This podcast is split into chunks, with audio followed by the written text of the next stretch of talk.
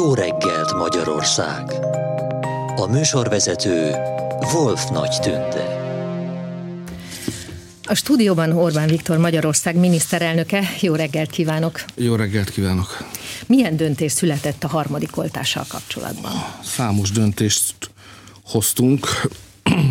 A harmadik oltást eh, illetően először szeretném azt mondani, hogy a vélemények a tekintetben megoszlanak, hogy kell-e harmadik oltás vagy sem. Ha jól látom, majd hajnalban a WHO is egy ilyen bizonytalanságot sugaló közleményt tett közzé. És a magyar kormány úgy gondolja, hogy olyan véleményt nem ismerünk, ami szerint ártana. A vita az arról szól, hogy mennyire hasznos.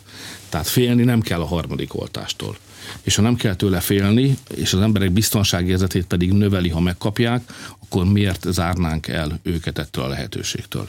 Ez alapján a kormány azt mondja, hogy lehetővé tesszük a harmadik oltás fölvételét. Ha jól figyelem a nemzetközi eseményeket, akkor ez még máshol nincs így. De azt is mondjuk, hogy a második oltás után azt ajánljuk, hogy teljen el négy hónap, ezt mondják a szakemberek, és a házi orvosok, illetve akik az oltást beadják, ha szükséges, akkor ettől eltérhessenek. Tehát mindenki keresse föl úgy, ahogy eddig is időpontkérés után azt az oltóhelyet, lehet a házi orvos is, vagy egy oltópont, ahol megkapta a korábbi oltásokat, az orvosot eldönti, hogy négy hónap hiány is beadja az oltást, vagy nem. Ha azt mondja, hogy négy hónapot kell várni, akkor azt kérem mindenkit, hogy türelmesen várják ki. Lesz-e oltási rend? Hát most egyelőre úgy szeretnénk a, a dolgot lebonyolítani, hogy minél kevesebb adminisztrációval terheljük meg, tehát ott, ahol korábban is megkapta az oltást a magyar állampolgár, ott fogja megkapni a következőt is, időpontot kell kérni. De az a típusú oltási rend, hogy először ilyen idősek, aztán a másikkor, az ilyen nincsen. Van-e elég oltóanyag, van-e elég vakcina van. erre? Bőségesen. Ki dönt arról, hogy mi legyen az a harmadik a lehetséges vakcinák közül? Az orvos. Tehát nem tudjuk átvállalni ezt a felelősséget. Itt is egymással versenyző elméletek vannak, meg még a gyógyszergyártók érdeke is. A, nyilván mindenki azt szeretné, hogyha az ő vakcináját használnák harmadik oltásként. Az egyik vélemény szerint az a jó, hogyha különböző oltásokat kombinálnak, a másik vélemény szerint ennek nincsen jelentősége. Ezt mi nem tudjuk eldönteni, ezt a politika nem tudja eldönteni, ezt az orvos szakemberekre kell bíznunk. Mikortól lehetséges ez a harmadik Augusztus oltás? Augusztus 1-től. Ugye mi a harmadik oltásról beszélünk, de körülbelül három millió magyar még nem kapta meg az első oltást sem. Ráadásul a többiek átoltottságának köszönhetően ezek az emberek most védettségigazolvány nélkül szabadon mozoghatnak, tehát még ez sem kényszeríti őket arra, hogy felvegyék az oltást. Terveze a kormány bármilyen kényszerítő intézkedést, akár kötelezővé tételt, ahogy most Franciaországban vagy Olaszországban láttuk az egészségügyi dolgozók esetében? Tehát az általános átoltottsági helyzet úgy írható le, hogy Magyarország még mindig a egyik, vagy talán a legbiztonságosabb országa átoltottság tekintetében, tehát a teljes védettséget eredményező második oltást nagyobb arányban kapták meg a magyarok, mint mondjuk Nagy-Britannia vagy Németország. A kényszerítésnek nem vagyunk hívei, egy helyen tettünk kivételt, tehát hoztunk egy döntést arra nézve, hogy az egészségügyi dolgozóknak kötelező lesz az oltás. Betegeket gyógyítanak, és ott különböző betegségek adódhatnak össze, ha még egy koronavírus fertőzés is megtörténik, és ez emberéletekbe kerülhet. Egyébként is az egészségügyben vannak olyan oltásfajták, amiket az egészségügyi dolgozóknak kötelező fölvenniük. Most ezt egyel, ezt a listát egyel megnöveljük, és az egészségügyben csak az dolgozhat, aki beoltatja magát a, a COVID ellen. Ezt meg tudom erősíteni, hogy ugye itthon sokkal szabadabb a helyzet.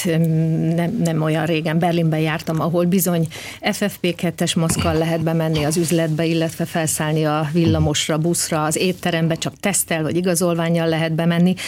Viszont itthon nagyon sokan éppen minden lazítás kapcsán, vagy minden teltházas meccs után, minden kánikulában megtelt strand után kongatják a vészharangot, hogy nagy baj lesz. Úgy tűnik, hogy eddig nem volt igazuk. Miért? Két iskola van itt is. Van, akik azt mondják, hogy a elszigetelés útját kell járni. Magyarország is járt ezen az úton mielőtt lett volna elegendő vakcinánk. De mióta van vakcinánk, mi a második iskola által javasolt utat követjük, amelyik azt mondja, hogy a vakcina életet ment. Tehát akkor tudjuk megvédeni az embereket, hogyha ők is akarják, hogy meg legyenek védve, vagyis fölveszik a vakcinát. De ha van vakcina, akkor az élet is meg van mentve. Most is azt látjuk, hogy még ha visszafertőződés van második oltás után előfordul, akkor is annak a lefolyása az jóval enyhébb, és az életre jóval kevésbé veszélyes. Előbb beszéltünk az idősekről, 85%-a van átoltva az idős embereknek, 65 év felettieknek, tehát van 15%-nyi idős ember, aki nincs átoltva, ők veszélyben vannak. Tehát most ez a delta variáns nevű változat jelent meg, ez agresszív, durva, és megtalálja azt, aki nincs beoltva. Tehát az, aki nem vette fel az oltást, az ma nagyobb veszélyben van, mint a járvány során eddig bármikor. Mert ez a legagresszívabb variáns, ami megjelent. És az, hogy a többiek be vannak oltva, de személy szerint valaki nincs, ez a be nem oltott számára semmilyen segítséget nem ment. Ő ugyanolyan veszélyben van, vagy nagyobb veszélyben, mint bármikor korábban. Ezért az időseket úgy döntött a kormány szerdán, személyesen föl fogjuk keresni. A házi orvos, a rezidensek, a orvostanhallgatókat is bevonjuk ebbe, tehát személyesen föl akarunk keresni minden idős embert, mindazt a 15 nyi magyar idős embert, aki nem vette föl az oltást, fogjuk rávenni, hogy vegye föl, hát ha fölveszi, fölveszi, ha nem, nem, de szeretnénk adni nekik egy esélyt, hogy ne kockáztassák az életüket amelyik korosztályban még viszonylag alacsony az oltási hajlandóság, az a 12 és 16 év közötti korosztály. Mit tervez, terveze bármit a kormány, hogy őket is motiválja ilyen értelemben a oltás Döntöttünk itt is, a 16 és 18 év közöttiek átoltása sokunkat meglepő módon nagy sebességgel haladt, tehát 45% környékén van. Ismét szeretném aláhúzni, hogy amit a fiatalokról szoktunk gondolni, hogy nem elég komolyak, meg nem veszik elég komolyan az életet, ez egyáltalán, ez a vélemény nem nyer igazolást ebben a, az átoltási statisztikában. Igenis komolyak a fiatalok, és 45%-uk már fölvette. A 12-15 év közöttieket is oltani kezdtük, olyan 13-14 százaléknál lehetünk. Szeretnénk, ha itt a szám magasabb lenne.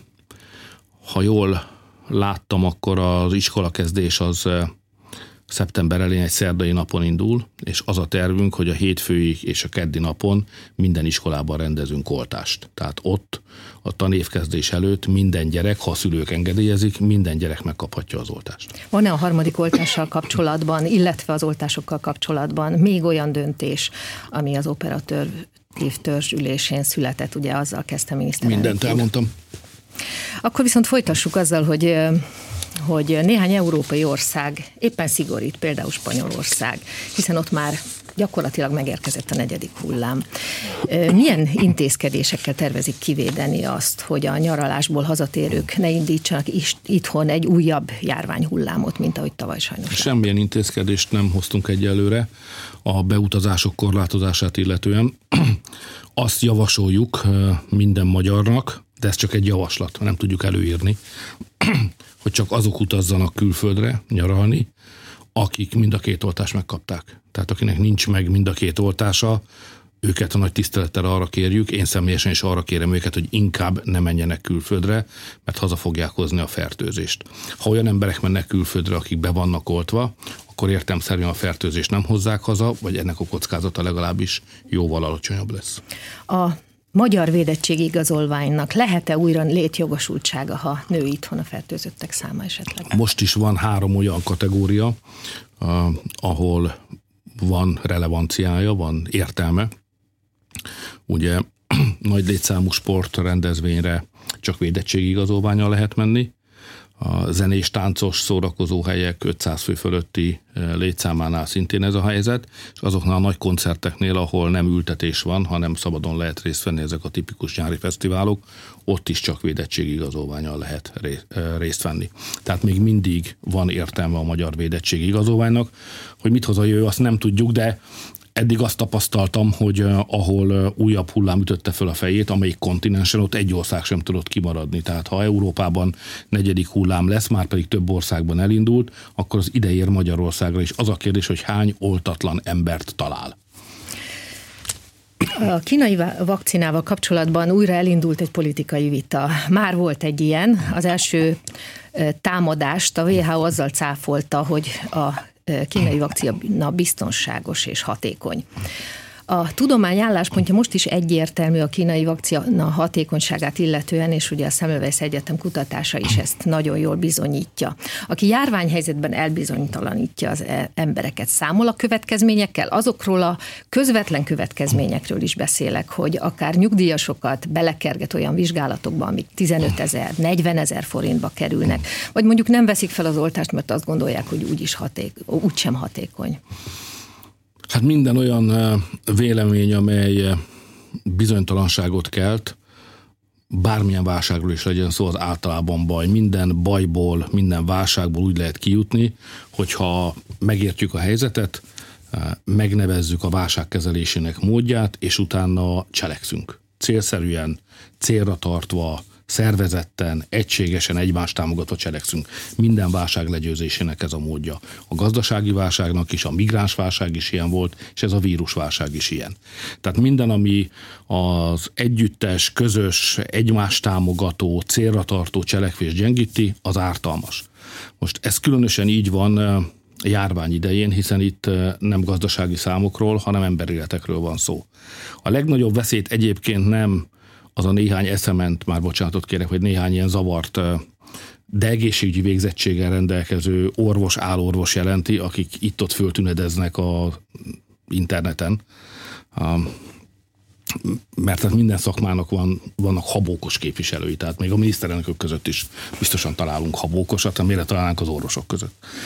Az igazi baj abból adódik, amikor a politikusok, akik ugye a nyilvánosságot alakítják, hirtelen átnyergelnek járványügyi szakemberré és járványi tanácsokat kezdenek adni tesztelésről, oltásról és így tovább, ahelyett, hogy azt a munkát végeznék el, amit én is végzek, meghallgatják azokat a testületeket, ahol kellő komolyságú emberek ülnek, és utána ezeknek a szakembereknek a döntését formálják, alakítják át politikai döntéseké. Amikor átcsúsznak járványügyi szakemberré, ott politikai szempontok lépnek be, és onnantól kezdve már nem az ember élet a fontos, hanem a saját politikai érdek. Na ez veszélyes.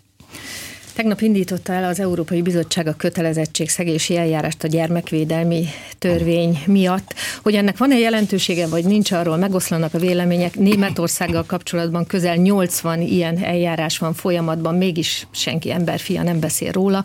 Persze, ha Magyarországról vagy Lengyelországról van szó, akkor egészen más a helyzet. Az Európai Bizottság eh, tegnapi eh, levelezése vagy felszólítása kapcsán azt írta Varga Judit igazságügyi miniszter, hogy most kibújt kibújt a szög a zsákból. Mi az, amit konkrétan tartalmaz ez a tegnap megküldött hivatalos hát Nem a szögló, hanem egy nagy lóláb, tehát sőt egy egész ló. Elolvastam ezt a remek papírost, amit a bizottság küldött Magyarországnak. Visszafogottan próbálom minősíteni. Tehát először is egy jogi huligalizmussal vagyunk, azzal állunk szembe. Tehát ilyet, tényleg ez egy randalírozás. Tehát a, mind a családjog, mind az oktatás az kizárólagos nemzeti hatáskörbe tartozik. Tehát semmi köze ehhez Brüsszelnek. Ehhez képest ebben az ügyben akarnak velünk szemben eljárást indítani. Másról szégyenletesnek is tartom. Ha már a bizottság elnök asszonya így minősítette a magyar törvényt, akkor azt kell mondanom, hogy a bizottság álláspontja szégyenletes. Teljesen nyilvánvaló, erről beszélt a magyar igazságügyminiszter asszony, hogy az oktatási törvény módosítását kérik, és az a célja ennek a kérésnek, hogy beengedjük, rákényszerítsenek bennünket arra, hogy az LMBTQ aktivistákat be kelljen engednünk az iskolába. Ott a mi álláspontunk az, hogy gyerekeink közé nem fogjuk őket beengedni. A gyerekek szexuális nevelése az a szülők feladata, a gyerek a szülőé, a szülő dönt a neveléséről. Ezt egyébként európai dokumentumok is megerősítik.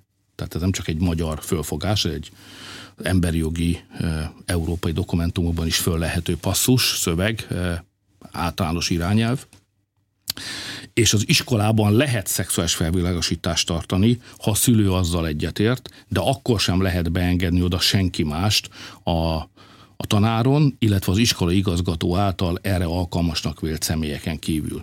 Tehát az, ami Nyugat-Európában ma általános, és amit itt is általánosan akarnak tenni, hogy beengednek eh, szexuális propagandistákat az iskolába, és őt, ott foglalkoznak a gyerekekkel. Nyugaton ez általános, ez Magyarországon nincs. Egy-egy eset előfordult, kezdett ezeknek a száma növekedni, hogy épp ideje volt, hogy tiszta vizet öntsünk a pohárba.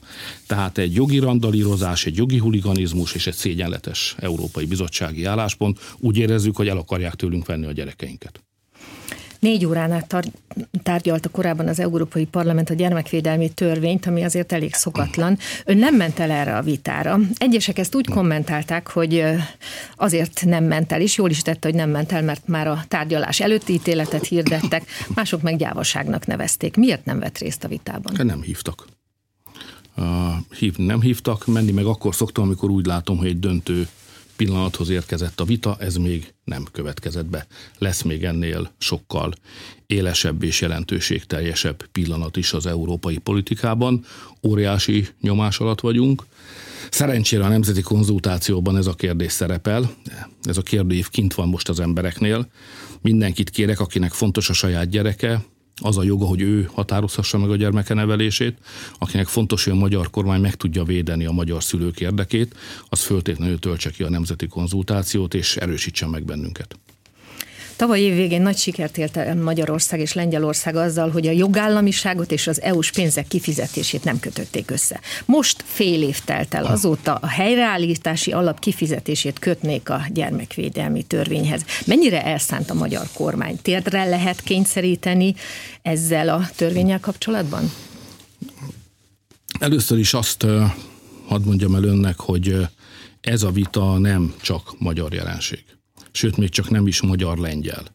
Van egy nagyon hasonló vita Olaszországban, folyik egy ilyen Romániában, és volt egy hasonló nagy vita, és a bizottság ott is föllépett Litvániával szemben, de a litvánok megvédték a saját érdekeiket.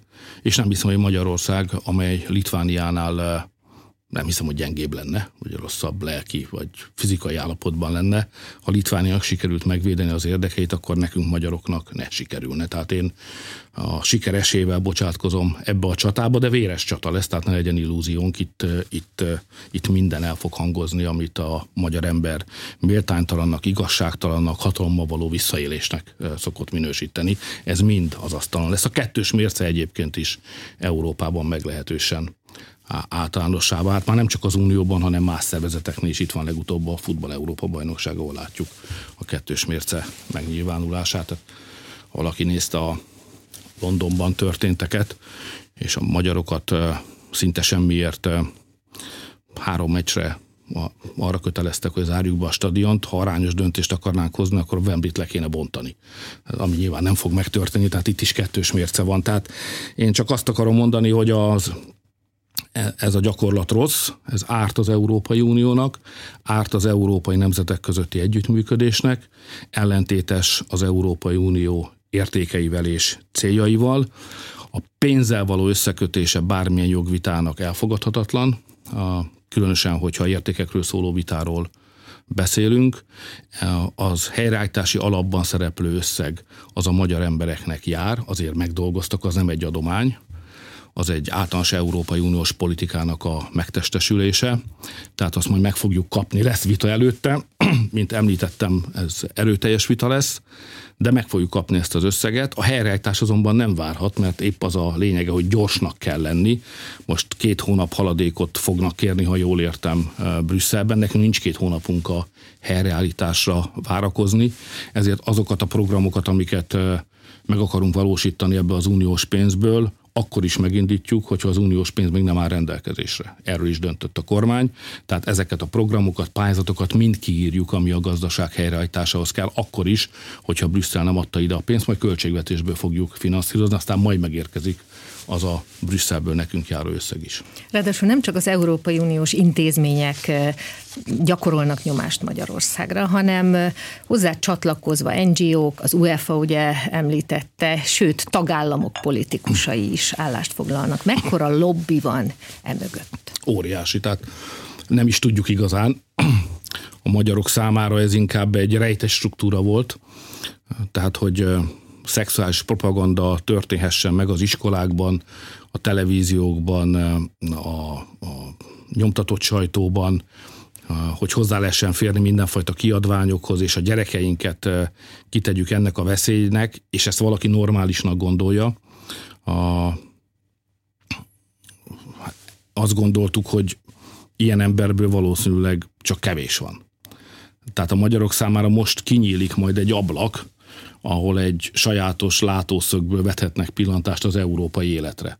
Kit érdekelt eddig, hogy mi van a német iskolákban? De most már érdekes, én, már engem is elkezdett érdekelni, hogy ott mi zajlik. Tudnék hát, hát el, elriasztó dolgokat. Hát lehet, hogy, és nem akarok beleszólni, mert a német gyerekek azok a német szülőké.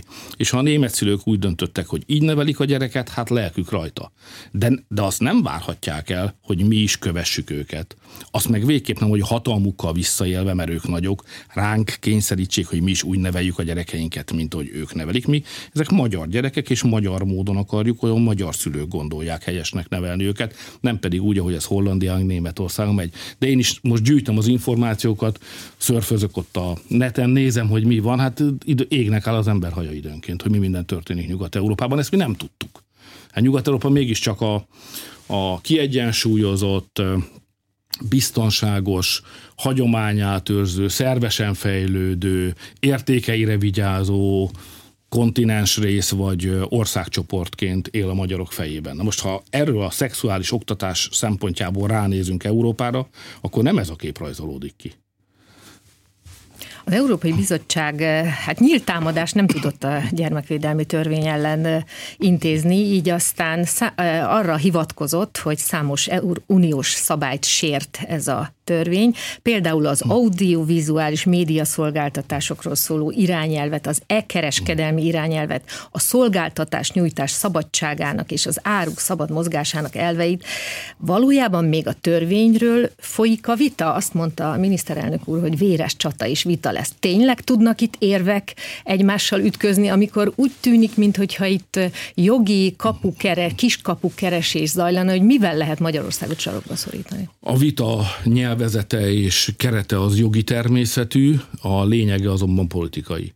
Egész egyszerűen Brüsszel visszaél a hatalmával, és ránk akarja kényszeríteni azt, amit mi nem akarunk. És miután itt nem rólunk van szó, mert ha csak rólunk lenne szó, azt se viselnénk jól, a szovjeteket se viseltük jól, az se esik jó az embernek, ha a saját szabadságát korlátozzák, de egy sokkal fontosabb dologról van szó, mint a saját szabadságunkról. Itt a gyerekeink szabadságáról van szó, meg a gyereknevelés jogához való szabadságról van szó. És a, és a, a magyar ember az olyan, hogyha gyerekéről van szó, akkor valami ott a gyomortáiban megmozdul, tehát az, az legmélyebbre váló, vágó ösztöneinket érinti. Tehát a, a gyerek az egy szent dolog Magyarországon és azt nem engedhetjük, hogy szexuális propagandisták grasszáljanak az iskoláinkba, meg mindenfajta figyelmeztetés nélkül a könyvesboltokban olyan könyvek kerülhessenek a kezükbe, vagy a szülő is gyanútlanul olyanokat vásárolhasson meg, amire nincs föltüntetve az, aminek föltüntetve kell lennie, vagyis, vagyis hogy ez valami olyan tartalmat hordoz, amit a szülőnek meg kell fontolnia.